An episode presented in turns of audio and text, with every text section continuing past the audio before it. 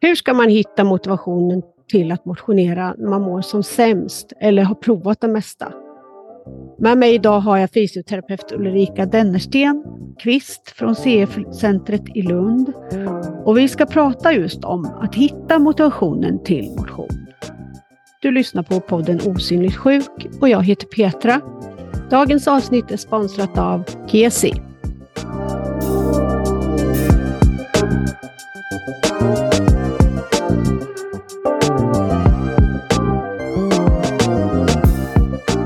Här är Laila och Jonas från läkemedelsföretaget Kesi här. Det är vi som sponsrar dagens avsnitt, vilket vi är mycket stolta över. Och därför vill vi på några minuter passa på att presentera företaget Kesi för er. Jag heter Jonas Wiklund och jobbar på Kesi som nordisk produktchef för våra cystisk fibrosläkemedel. Och jag heter Laila Massamiri och jobbar på Kesi som nordisk medicinsk rådgivare inom området cystisk fibros. Kesi Pharma är ett italienskt familjeägt företag som grundades i Parma 1935. Nästan 80 år senare, 2014, så etablerade Kesi en nordisk närvaro och vi är nu verksamma i alla de fyra nordiska länderna.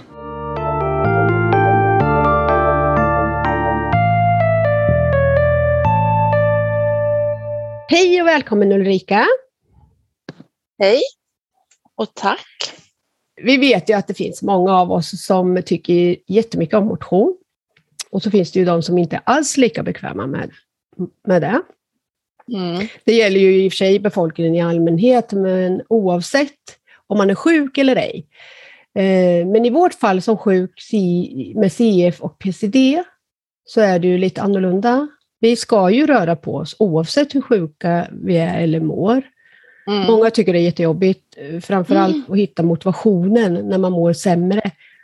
Mm. Och orkar nästan, ja, man orkar ju nästan bara leva för dagen. Och då tappar man ju sugen helt. Så att när man har hållit på i alla år att hitta olika former av motion så till slut kanske man står still där. Oh. Då är ju frågan lite hur man ska motivera sig och hur stor betydelse egentligen har den här motionen för oss som är sjuka. Varför är just motion bra för oss med CF och PCD?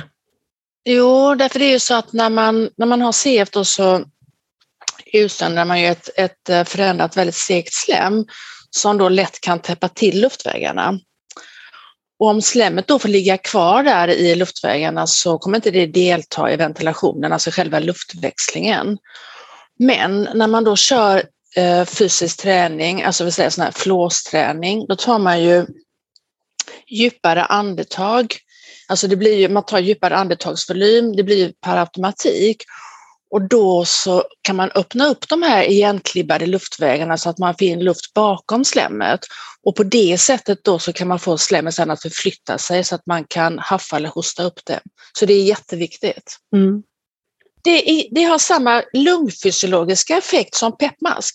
Ja, just det. Alltså du gör liksom, då lägger du ett motstånd på utandningen så att man samlar på sig luft. Alltså tanken är ju att man har igenklibbade luftvägar. Mm som, liksom, som inte deltar, man får inte in något nytt syre. Men om man då kör pulshöjande träning, flåsträning, så tar man djupare andetag och då får man in luft bakom slemmet. Mm. Och så, då kan man använda sig av den luften för att, slemmet ska förflytta sig. Det är det ena vid fysisk träning. Sen det andra är att man har kunnat se att flimmerhåren jobbar mer effektivt, alltså de förflyttar slemmet eh, lättare och sen är det också så att man har, kan ha sett i studier att man har eh, man påverkar vissa biokemiska faktorer vilket gör att man får mer vatteninnehåll i slemmet och det i sin tur gör att slemmet lossar lättare också. Mm. Så du har många positiva saker av fysisk träning förutom de här helt vanliga som att alla människor behöver träna. Mm, ja, precis. Mm, så de är ju jätteviktiga. Mm. Som man liksom, och det är också, vet inte jag om du också har känt att det är väldigt många människor som säger så att om de tränar så kanske de inte känner direkt att det händer någonting men sen när de står i duschen 20 minuter senare så kan de känna att slemmet har lossat lite. Eh, sen är det också så att, eh, att vid CF så är det ju väldigt många som blir eh, koloniserade med pseudomonas. Jag tror, när vi har pratat om bakterier, har ni gjort det i något annat program? Mm. Ja. Och eh, den här eh, bakterien pseudomonas den trivs väldigt bra i syrefattig miljö. Och det blir ju, det blir ju syrefattigt i de delar av lungorna som är alltså väldigt slemfyllda, som inte deltar i ventilationen. Och då mm. när man kör fysisk träning och man får in ny luft, då så trivs inte pseudomonas lika bra och då tror man att man kanske kan hålla nere antalet pseudomonas även om man inte kan bli av med det helt. Mm. Så, så kan man få liksom lite mindre, färre antal bakterier om man ska säga så. Man kan ju ha så pass mycket slem så att man knappt kan gå förrän man blir andfådd. Hur ska man mot, liksom komma igång och göra något då? Mm, då men då, alltså för lite, antingen kan man ju använda fysisk träning som en del av sin andningsgymnastik, alltså som mm. sin slemmobilisering. Eller så kan man ju använda fysisk träning som ett komplement. Mm. För menar, man så, har man så himla mycket slem så blir det jätteineffektivt att försöka köra fysisk träning. Då måste man ju köra sin andningsgymnastik först och sen kör man fysisk träning alltså vid sidan av ja. sin vanliga behandling. Men om man an, liksom kör andningsgymnastik så pass intensivt och länge eh, så är det inte säkert att man har orken. orken. Nej. Att sen göra någon fysisk aktivitet. Nej, jag förstår vad du menar och det är ett problem och då, behöv, då får man på något sätt ta kontakt med sin sjukgymnast som man kan lägga mm. upp adekvat träningsprogram. För det är ett problem när man är mm. jättetrött.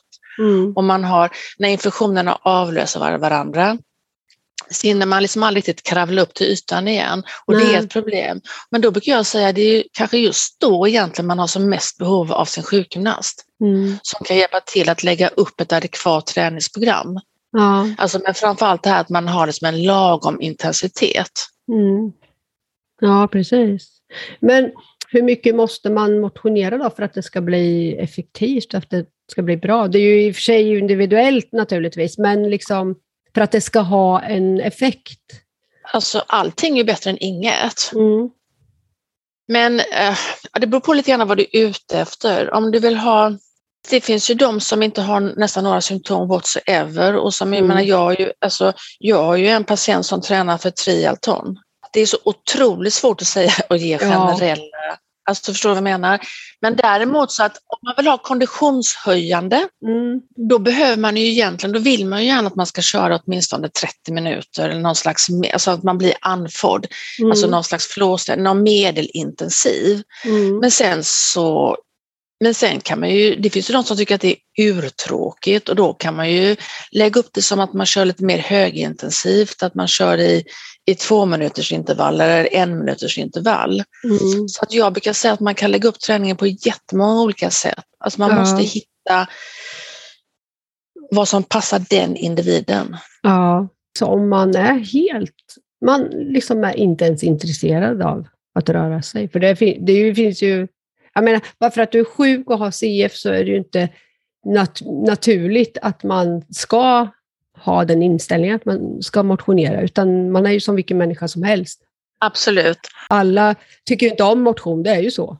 Hur Nej. ska man få motivation till det? Det är ju alltså en utmaning. Det är väl 10 000 kronors frågan på något sätt. Men när man är barn så brukar det ju vara om man, om man har kompisar som gör någonting att man kan försöka hitta på någonting tillsammans med kompisar. Alltså mm. då att man kör träningen inte som en del av sin andningsgympa utan att man gör det vid sidan om som ett fritidsintresse. Mer som en vardagsgrej liksom? Ja. Så att det inte blir det här extra att du måste göra? Ja, precis. Att man hittar, att om alla kompisar i klassen kör någonting, att man på, mm. på det sättet kan försöka få in sina barn. Mm. På alltså någon, alltså man tycker om, om bollsporter eller dansa eller skateboard eller till exempel att man klättrar eller det finns ju massa olika grejer ja. men jag tror att det gäller ju då att man, man hittar att man gör det tillsammans med kompisar eller sina ja. klasskompisar eller någonting.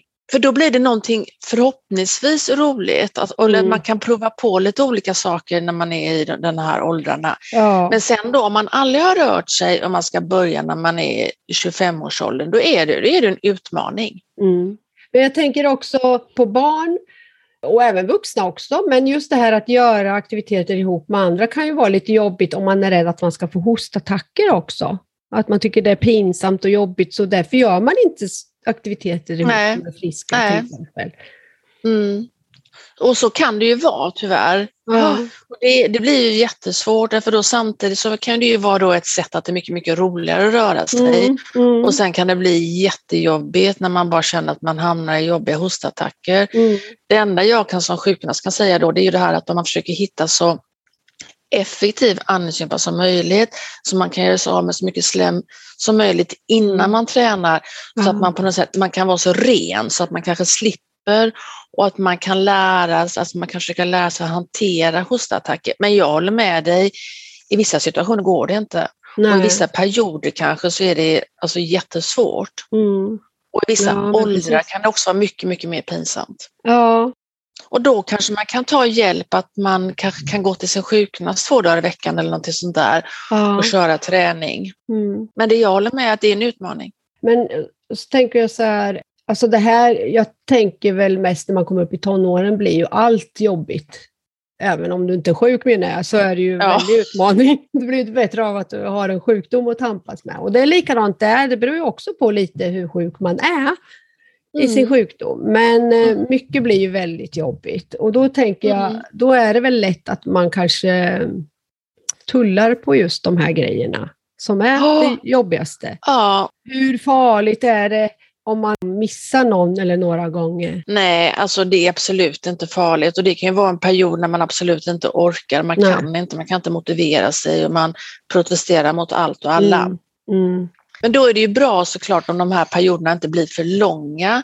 Och då, men det är samma sak där, att jag liksom, när man då har den, liksom, den här perioden när alla tonåringar går igenom det mer eller mindre. Och då kanske det är också bra om man kan liksom försöka då komma till sin sjukgymnast och få, du vet, man kanske där kan köra lite motivation. Mm. Man kan träna tillsammans, man kanske kan komma upp, du vet att man gör någon träningsdagbok och så säger man så här att man gör den här träningen så ska man kryssa i det, sen efter en månad så utvärderar man och då, mm. då har man kommit överens om att då gör man något kul. Mm. När man, har, alltså man får liksom hitta olika sätt. Ja, precis. För det, i och för sig motivationen kan ju även vuxna tappa. Att man kör ganska länge och sen helt plötsligt är det något som händer eller att man mår dåligt och att det, eller att det, ja, vad som helst. Mm. Så blir det ju perioder att man orkar inte bry sig helt enkelt. Så är det ju även Nej. som vuxen. Och jag menar, ja. För vi är ju liksom inga maskiner eh, heller. Nej. Och inte ens en frisk skulle orka hålla på så som vi gör. Nej. Så det är ju en fullt naturlig grej, tänker jag, att man ibland och man måste, att man tillåts att ha de här perioderna. Som sagt, ja. så länge de inte blir för långa. Nej, och ja, det, alltså man måste tillåta sig, eller, eller så säga, man måste, men alltså Nej, på något sätt tror jag att det är omöjligt man kan inte göra liksom, man kan inte träna tre dagar i veckan, 365 dagar per år, alltså år ut och år in. Det är väl klart mm. att vi alla kommer som hit, komma i svackor. Mm. Mm. Men det är väl då egentligen man ska ta hjälp av vad ska man säga, vården för att de här svackorna inte ska bli för långa. Nej. Och man kanske, sjukgymnaster kanske, kanske kan hjälpa en att kravla sig upp i den här svackan. Ja, ja precis. Vi har till exempel gjort så i, alltså här hos oss att jag vet att vi körde så att vi, vi tränade inför vissa lopp tillsammans. Mm. Alltså både doktor Lennart och jag och du vet lite andra människor i teamet. Ja. Och så. Vi tog oss igenom Göteborgsvarvet några gånger men ja. då gjorde vi det tillsammans med patienter för då blir det en rolig grej. Ja. Alltså, menar, man, det finns ju massa olika varianter, jag menar inte att man ska springa halvmara eller så, men Nej. det finns olika varianter man kan ja. göra tillsammans. Man kan försöka. Ja, och jag vet ju att jag har gjort med sjukgymnast här hemma till exempel, att istället för att åka dit och cykla på träningscykel eller något annat, ja men då har vi cyklat ute. Vi har åkt skidor ute, längdskidor, istället, ja, och tar det som ett träningspass med sjukgymnasten för att då kan ju hon se hur man mår också just. Mm. I, liksom, och funkar det bra så är det ju det bra, men just det här att man har en koll på hur, ja men det man gör hemma så att säga eh, och inte bara där. Nej. Och jag vet vi har åkt inlines och massa sådana saker ute, aktiviteter också. Och inte mm. bara suttit där och gjort sin andningsgymnastik in hos dem och sådana saker. Utan, och då blir det ju lite roligare för då får man ju en träningskompis också. Liksom. Ja, precis, precis. Jag tycker egentligen att det när vi har gjort det här att det roligaste har varit att man har haft ett gemensamt mål. Mm. Och sen mm. när man liksom åkt upp till Göteborg då, eller som vi sprang Broloppet och vi sprungit massa lopp, mm. att man har liksom åkt det tillsammans och sen när man startat och sen har ju de patienterna varit mycket duktigare. Ju. Men sen när man träffas efter, men förstår vad jag menar, det har varit jätteroligt. Ja. Alltså då blir ja, det en ja. grej. Och så har man också du vet, pratat om hur mycket har du tränat, hur har du rest ja, ja. ja, nej. Så. Sen tycker jag att det är skönt också när de som hela tiden står och säger vad man ska göra också visar ett intresse. Ja. Istället för att bara du gör det här och det här och sen händer inget mer. Det är inte så motiverande. Det är mycket roligare och mer motiverande om de själva visar intresse av det också. Mm. Nej, men att man gör tillsammans. Ja. Och det gäller ju även när man är, när man är barn och så, så gäller det att föräldrarna på något sätt är med och gör tillsammans. Ja, precis. För det är också så, tänker jag, just när det gäller barn, att det är ju väldigt lätt som förälder att säga, ja men ut och cykla, ut och gör det. Och då tänker jag så här, att om man då har barn som har CF, ja men då gäller det att man tillsammans gör det med barnet i så fall. Så man, man måste hänga mm. med själv. Ja, precis ställ dig på studsmattan och studsa lite med barnet. Ja, ja. Så att de ser, för det är samma sak som det här med sjukgymnast jag pratade om, att det blir ju att någon hela tiden står som en... Övervakare. Nej, man måste, man måste göra tillsammans. Ja, det är mer motiverande då. Ja, absolut. Det är jätteviktigt. Eller hur? Mm. Alltså du får ju tänka som förälder att du måste ju själv vara lite på. Än att bara du ska göra det här och så gör man ingenting själv. Och det, grejen är ju att det krävs ju rätt mycket av en förälder som har ett sjukt barn. Ja, verkligen. Ja, mm. När det är just en sån här sjukdom mm. där just fysisk aktivitet mm. är så, bra. Ja, så viktigt. Ja, det är ju jätteviktigt. En sak som är lite speciell med KESI det är att vi är ett så kallat Benefit Corporation, eller B-Corp som man brukar säga. Det här är en certifiering som innebär att vi arbetar mot hållbarhet för miljö, samhälle, patienter och anställda. Och ett av de här målen är att bli klimatneutralt globalt 2035. Kesi Pharma är det största läkemedelskoncernen i världen som har tilldelats en sån här B Corp-certifikation. Och B Corp är alltså en ny affärsmodell som balanserar syfte och vinst för att skapa en positiv påverkan för samhällen, anställda och miljön. Vi är juridiskt skyldiga att överväga inverkan av våra beslut på medarbetarna, kunderna, leverantörerna, samhället och miljön. Detta är en global rörelse av människor som använder affärer som en kraft för det goda. Vi är alla ansvariga för framtida generationer Sokesi vill arbeta för världen genom att vara en del av lösningen, inte problemet.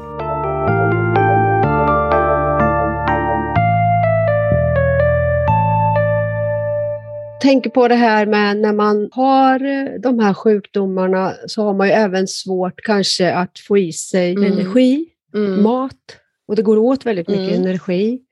Och en del klarar inte av att äta mycket alls. Då är ju frågan hur stor betydelse har kosten för träningen och hur ska man tänka för att energin ska räcka? Mm, ja, det, är ju, alltså, det är ju ett problem för vissa då som har för man behöver ju öka sitt eh, kaloriintag när, eftersom att man förbränner ju kalorier vid träning. Och sen mm. hur stor förbränningen blir, det blir lite grann beroende på hur, alltså man har större förbränning när man är mer vältränad. Och, så att det kan, alltså det kan ju vara ett stort problem och då får man nästan ta hjälp med dietist mm. som kan hjälpa en med det. Ja. Alltså det är också så väldigt individuellt. Ja, för sjukdomen i sig kräver ju ganska mycket energi i sig. Och sen dessutom ja. då, vi har ju nästan problem mm. att få i oss den energi vi behöver dagligdags, liksom i vanliga livet utan motion. Mm. Eh, och sen då ska man lägga på de här mm. grejerna också, då är det ju, kan det ju vara svårt. Jag vet att många patienter, alltså många av mina patienter, att de, eh, mm. de kompenserar med näringsdrycker då när de tränar för att de ska liksom få i sig ganska så vad ska man säga, mm. snabba och lätta kalorier som ändå är hyfsat bra. För att vi vill ju, vi vill ju också ha, vad ska man säga, vi vill ju också ha bra kalorier, inte bara tomma kolhydrater. Nej, precis. Nej, för så sen, ja, jag har ju lite problem med det. Mm. Jag har väldigt svårt att upprätthålla min energinivå när jag motionerar. Nej, men det här är ett jätteproblem, mm. eh, framförallt då vid hypoxi. Och då så är det klart att, och du har ju haft dina perioder när du har haft dålig syresättning, så mm. jag kan tänka mig att för dig tar det ännu längre tid och jag tror att mm. dina muskler blir ännu mer, vad ska man säga, Påverkade. lätt uttrött. Ja, faktiskt. Mm. Ja, det är ju ett problem, det vet vi ju, att när man har svårt på något sätt att fixa sitt kaloriintag, vila, så blir det ännu svårare när man ska träna. För det, då, då ökar man ju, då behöver man ju öka kaloriintaget och det, mm. det vet vi ju att det kan vara jättesvårt. Det är viktigt också att man tänker på att ibland så, att man behöver tillsätta lite salt, att det ja. inte bara är vanlig vätska utan att man när man, när man kör långvarig träning eller man svettas mycket att man inte bara liksom tillsätter vätska utan man även tillsätter salt. Mm. Antingen med mm. man köper vätskeersättning på apotek eller ska man faktiskt göra det själv, att man mm. blandar socker, salt och, och vatten. Ja. Räcker det då om man dricker typ eh, Resorb eller sportdryck och sådana, om man inte blandar själv till exempel? Alltså Resorb är ju vätskeersättning så ja. det räcker ju och jag har många patienter som alltid i samband med träning så dricker de Resorb. Ja. Mm.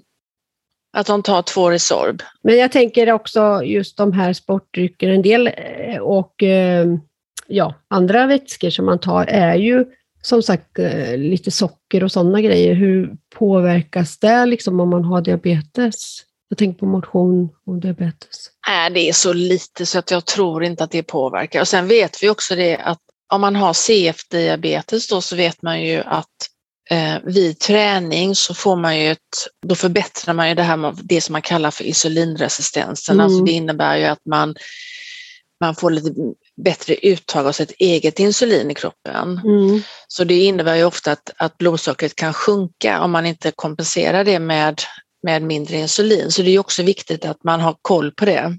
Det är ju många som har eh, CF och tror säkert även PCD som har problem med ledvärk, stela mm. leder. Mm. Och där är ju, antar jag, jätteviktigt med rörelse också.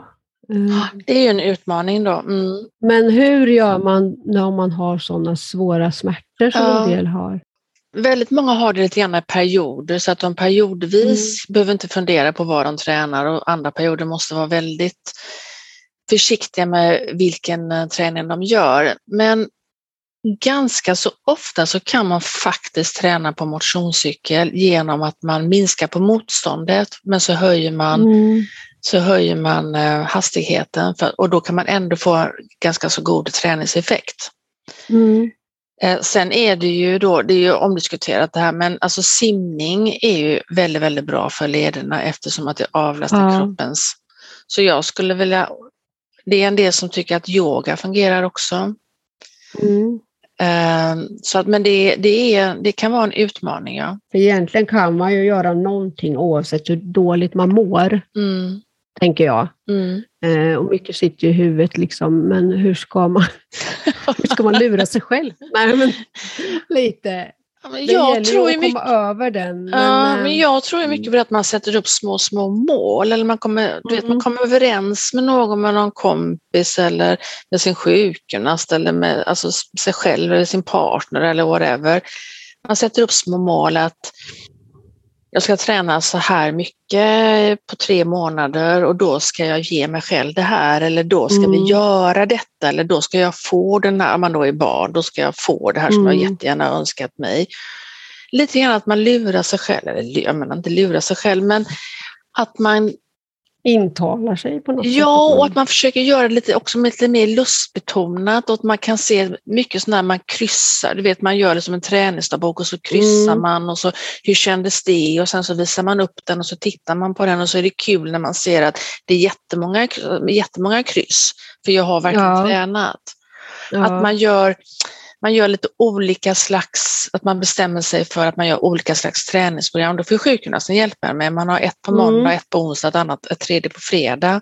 Och så byter mm. man de här, att man gör det lite mer lustfyllt. För man kan ju inte bara säga ja. att du ska gå ut och jogga tre dagar i veckan.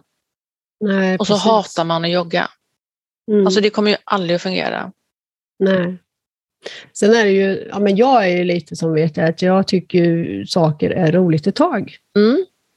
Men mm. det är ju också men så, då får man ju tycka det. Annat. Ja. Men det, till slut blir det ju lite så här, ja vad ska jag göra nu? Ja men det, då kommer ju så mycket nya saker. Då får man ju ett halvår så kör man det och sen är man dödstrött på det. Då kör man, du vet, så. Det finns alla ja. möjliga olika, alltså om man gillar att gå på pass och så, så kan man ju ha, det är oändligt massa nya pass de kommer Ja, ja precis. Ja. Så går man på crossfit ett tag och sen så klättrar man ett tag och sen kör man inlines ett tag mm. och sen kör man skateboard mm. ett tag och sen så börjar man på line dance och men du vet. Mm. Mm. KESI är verksamt inom flera olika terapeutiska områden såsom luftvägssjukdomar med läkemedel för astma och KOL-patienter, neonatologi, cystisk fibros förstås, transplantation samt inom vissa läkemedel för sällsynta och ultrasällsynta sjukdomar. Kesi Pharma har globalt cirka 6 000 anställda runt om i världen med cirka 800 som arbetar dedikerat med forskning och utveckling av nya läkemedel. Under de senaste två åren har vårt engagemang inom området cystisk fibros ökat och därför var det en självklarhet att vara med och bidra till CF-gemenskapen och denna podcast som har en viktig funktion i att uppmärksamma hur det är att leva med en sån sjukdom. Och vill ni veta mer om oss, gå in på kesifarma.se och Kesi stavas med CH. Och ha en fortsatt trevlig lyssning.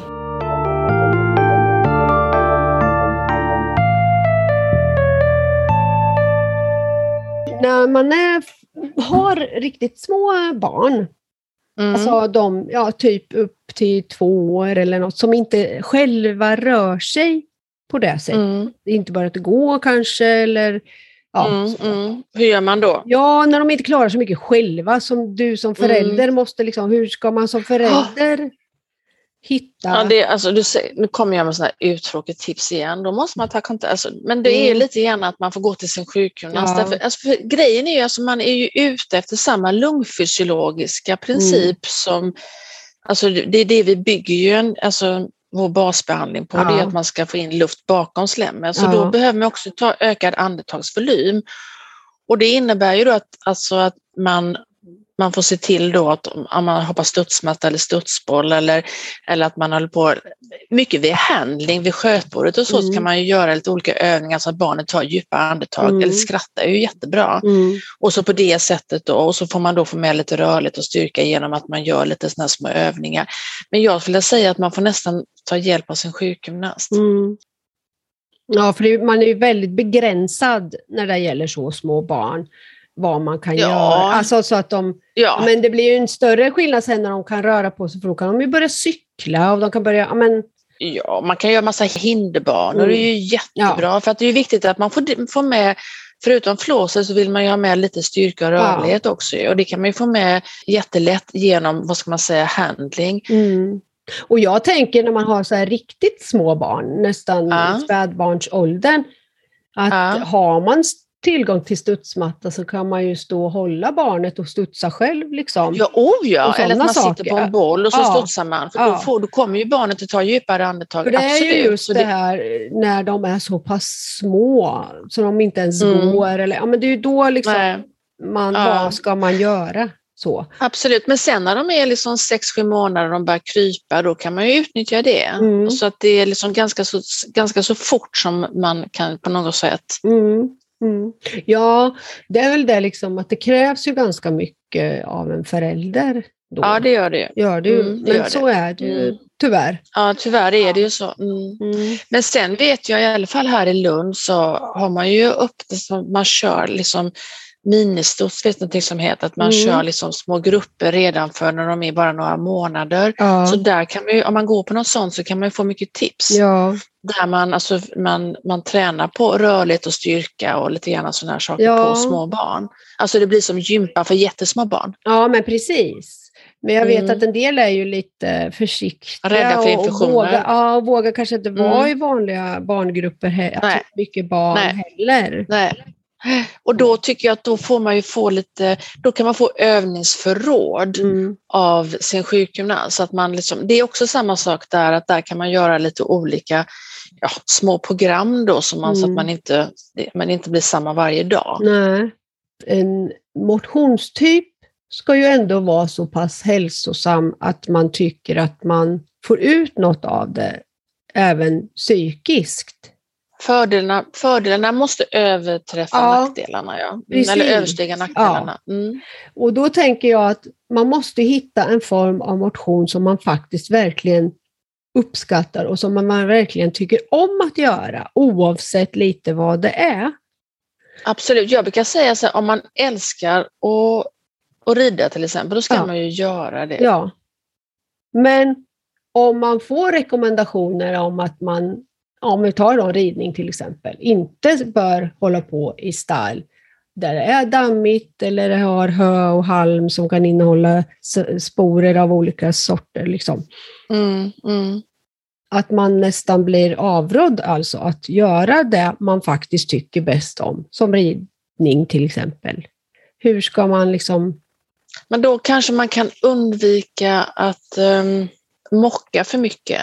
Mm. Men jag tänker så om man, om man undviker, om man då förklarar, för det är väl klart annars så tror man kanske att man smiter, men om man då förklarar så att man då kan undvika mocka och att man kanske kan rykta lite, mycket, lite mer sånt utomhus. Så ridningen i sig är ju inte, den är ju jättebra. Mm. Du får ju med alla delar. Du får med både rörlighet och styrka, mm. förhållningsmusklerna som är så viktigt. Och det kan bli konditionsträning, så ridning är ju, det är ju inget fel på ridning. Nej. Och om jag älskar hästar det är mitt stora intresse så det verkar ju, nej, jag tycker det verkar jättemärkligt att säga att man inte får hålla på med det. Nej, för jag tänker att det finns ju faktiskt genvägar. Däremot kanske man kan undvika vissa saker då. Mm. Lite granna. Ja. Mm. Agnes Woll som är professor ja. i mikrobiologi, hon säger ju hela tiden att vi är alldeles för vi är alldeles för rädda för. Mm. Det är naturligt, alltså vi behöver ja. bygga upp vårt immunförsvar. Ja. Och hund skulle jag vilja säga att det har ju alla positiva effekter. Men ja. den, är ju, den vill ju bara vara till lags, den älskar dig. Du måste, du måste gå ut i vilket väder som mm. helst och det är världens bästa kompis. Så länge man inte har några allergiska besvär så kan det ju inte finnas några hinder överhuvudtaget. Precis när man kör fysisk träning, som också är jätteviktigt, det är att man lär sig skillnad på vad som är andfåddhet och annöd. Andfåddhet är ju naturligt, vi vill ju liksom, det är det vi egentligen är ute efter, man ska ta djupare andetag. Mm.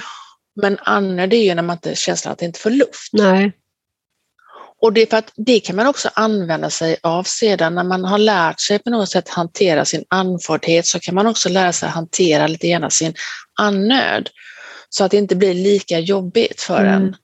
Och då innebär det att då, det kan man ju använda sig av var, när vardagen är jobbig. Mm. Att man har vad ska man säga, instrument eller man ska säga, för att hantera sin egen andfåddhet, ja. vilket faktiskt är jätteviktigt. Ja. Och sen är det också det att när man tränar så får man en bra, så får man oftast en mycket bättre kroppskännedom och då har man också förmågan att upptäcka försämringar väldigt tidigt. Mm. Så att man kan på något sätt mota Olle grind. Man kanske -huh. inte behöver bli så sjuk därför man känner direkt att det är någonting på G här. Nu måste jag, liksom, nu måste jag kanske öka mina insatser på behandlingen ett tag så att -huh. jag inte blir så infekterad. Och det är också väldigt viktigt. Mm.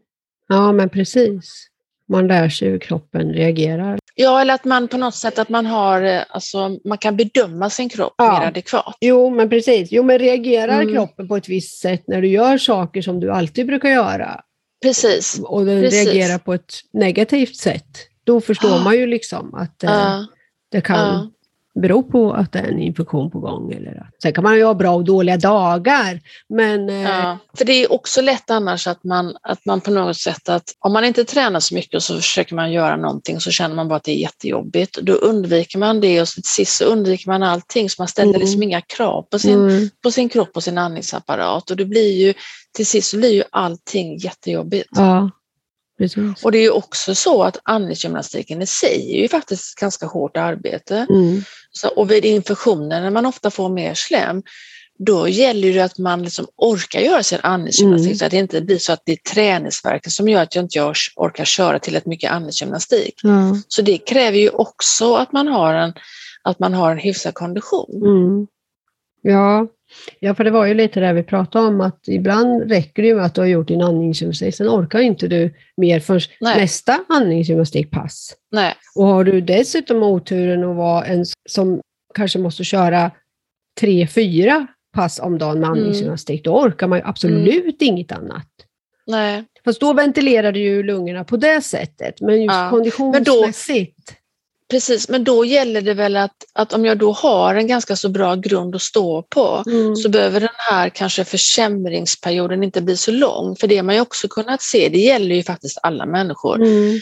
friska som lungsjuka, att om man, om man har en bra kondition så vid försämringar så går det mycket, mycket snabbare att återhämta mm. sig, mm. att komma tillbaks igen. Ja, och det som är viktigt att komma ihåg, tänker jag på, eh, just om man mår väldigt dåligt, eh, är ju att om man försöker att fortsätta konditionsmässigt med olika träningar, så om man behöver göra en lungtransplantation så har man ju väldigt mycket gratis efter den operationen. Ja, om man håller verkligen. sig så vältränad som ja, möjligt. Innan. Efter sina egna förutsättningar såklart.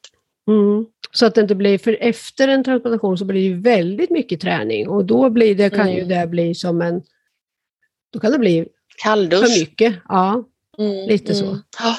Så har du redan en skaplig muskulatur så kanske inte det blir lika jobbigt på samma sätt. Nej. Hela tiden är det det här att, att kunna bibehålla normal rörlighet och normal mm. styrka. Alltså det är ju så mycket lättare än, -huh. att, än att försöka liksom få tillbaka det. Ja, precis. I fysisk träning så, så säger man ju att man, eh, man har kunnat se det, att man minskar depression. Och det är ju mm. så att man mår ju faktiskt, man får ju en endorfinkick av fysisk träning. Så att även om det är jättesvårt att komma igång så brukar människor känna när man, alltså får, man får någon regelbunden träning att man faktiskt får lite bättre allmäntillstånd. Mm. Att man mår, alltså jag menar att man mår lite bättre, man känner sig inte lika låg. Nej, nej precis. Och det gäller alla. Ja. Jo, men det är inte alls fel. Så är det ju även med friska. Ja, men det jag menar, det är, har ju ingenting med sjukdom att göra. Utan nej. det är ju bara att man har kunnat se det på stora, stora studier. Att det är ju alltså det är bättre effekt av fysisk träning än av antidepressiva. Mm. Jo, men det finns ju faktiskt de som får det på typ recept. Ja, absolut. absolut. Ja. Vi ska ta och avsluta här och eh, ett stort tack till dig Ulrika för att du var med. Kul att få vara med. Och eh, även ett stort tack till dig som har lyssnat. Thank